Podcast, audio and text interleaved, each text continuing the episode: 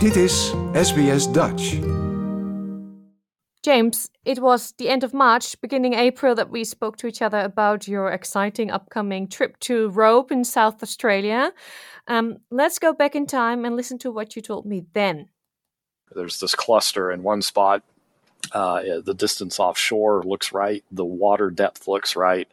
So while we didn't get a chance to jump in the water and actually dive and see what that is, we're pretty confident that uh, that's probably the wreck. Pretty confident. And I was so excited. And then you went, and I didn't hear anything. I feel like a professional stalker because I ask, How did it go? How did it go, James? well, um, we had mixed results. Let me put it that way. Uh, we we got back to Robe. Uh, we got fortunate in that we did get a bit of a weather window. Um, turned out to be a lot shorter than it was appearing through the weather forecasts. Um, and this time we got back in the water, or we got in the water, I should say. So, first off, we went ahead and we ran the magnetometer back over the same area where we had picked up that cluster of anomalies uh, last time. And we did uh, pick them up again. So that was good that was good. That, that was a, a, test to make sure that our equipment wasn't potentially malfunctioning and giving us false readings. So there's definitely something there. Uh, there's a lot of large iron objects there because we're getting some fairly sizable magnetic hits in there. Um, so that was good. That was a, that was a plus. Confidence still there. Confidence is still there. That's right. Running high, looking good. So we uh, once we had done that, we we buoyed off an area around the two largest magnetic contacts that we picked up. And we got divers in the water. And this is where it starts to get a little bit interesting. Um, we got down there and we did what are called circle searches. So that is where you uh, you have a buoy. We put that down on the seabed. Uh, we take a, a measuring tape, a real tape, and we run out at about five meter intervals. So we would go out five meters from the buoy and we do a circle all the way around it, inspecting the sea bottom uh, as we're doing that. And uh, once we did a complete sweep, then we'd go out another five. We do the same thing, and we just keep repeating that cycle, going out further and further each time. And we had three divers, uh, one aside, you know, alongside each other. So we were spaced out probably two meters apart. Um, and we did a very comprehensive search around both those large magnetic anomalies, and we didn't see anything oh no! But how do you search? Is it like with a with gloves, a brush? How, how does that work? We're searching visually, so we're actually looking at the seabed, uh, looking for anything that appears, pardon the term, shipwrecky. Um, you know, we're looking for things like timber. We're looking for iron objects. We're looking for artifacts of any any type that we can find, and we didn't see anything. What we saw was a lot of sand um, and that was really not what we were hoping. Um, and to complicate things a little bit, uh, the area that we were searching in was in roughly the four meter depth interval, so not very deep. And we had a little bit of swell coming through uh, because, you know, Guichen Bay, where the wreck's located, very large open anchorage. There's nothing that blocks the wind and the swell from from the west, and so everything just kind of pushes into this bay.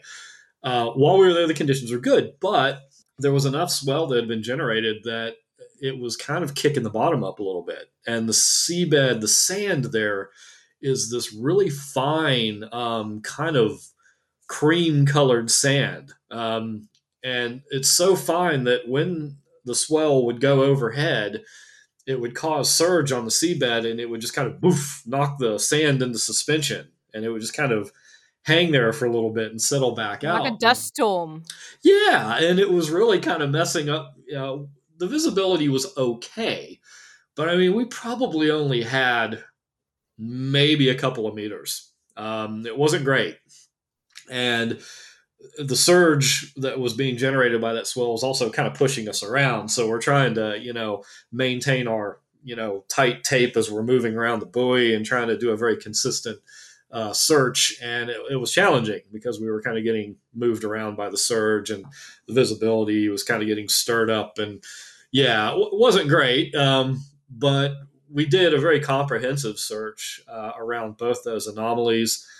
And the determination that we've made is that it's there, probably, should be, but it's buried. It's just completely buried under sand. Yeah, because you could not see anything with the bare eye, but there is something. There's something there. Now, the following day, we went ahead and thought, well, all right, we didn't see anything, so let's kick this up a notch. Um, so we brought along underwater metal detectors.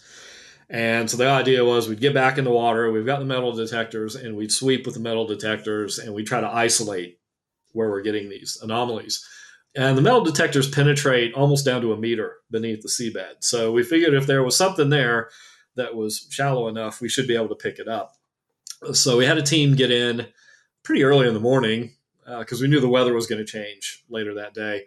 But unfortunately, even that early in the morning, the, the swell had increased slightly. It had come up about a half meter overnight. And the surge was so bad that they couldn't metal detect. Uh, they were just getting thrown all over the place trying to, you know, do their work. And so they gave it a go, but ultimately came back up and said, "Look, we can't work in these conditions. They're they're pretty bad." And the visibility had been diminished even more because of all the sand just getting stirred up by the by the surge. So yeah, um, so we we didn't really get a chance to finish the metal detecting, and um, so it's unfinished business. Basically, we we we would like to get back and do that. Yeah, because you had a week time. We did. Well, we had we had yeah we had about um, had about five days down there. But out of those five days, we were only actually able to get in the water two. And it was a shame because the weather predictions were looking good. We it really looked like it was going to flatten out quite nicely uh, while we were there, but it ended up changing. And, and that's the nature of working down there. The weather is very fickle, and uh, you can think it's going to be nice, and then it will turn around and tell you otherwise very quickly. So at least we got in the water. I was pretty happy with that. But the disappointment must have been there too. Oh yeah, I mean, I I had these really sort of grandiose visions of us getting in the water and and seeing you know some big iron object sticking up above the seabed like a mass section or something. We go, ooh, there it is. You know, we know what we've got, but uh, that didn't happen. so no. yeah, a little frustrating. The Koning Willem II doesn't want to be found. Oh yeah, I mean that's always a fair comment. I mean, I, am a firm believer in the concept that shipwrecks will be found when they want to be found, but I also think that we haven't completely finished all the work we could do. I mean, we need we need to get in there with the metal detectors, and the other thing that we would do in conjunction with that is probing of the seabed. So we'd have big long metal probes, and if we detect something with a metal detector, then we would take the probe and kind of push it into the seabed and you know, see if we're hitting iron or, or wood or something like that. And um, once we do that, then maybe we would talk to the uh, the uh, the maritime heritage officer for South Australia and say, hey, can we do a little bit of sediment movement here and see if we can figure out what we're what we're striking? But that's still down the track. We've got to get in the water and get those metal detectors working and, and see if we can isolate those uh, those anomalies we got. Hmm. Have you got this planned already? When are you going back?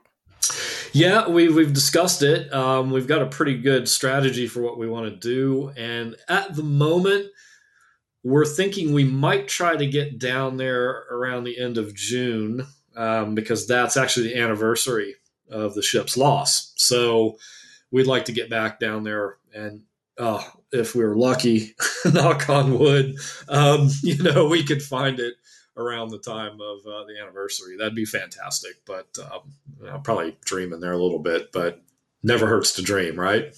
I think you have to start talking to the gods of weather because they are the ones that yeah, uh, it is true. Blocking you. That's right. They're holding us back. Yes.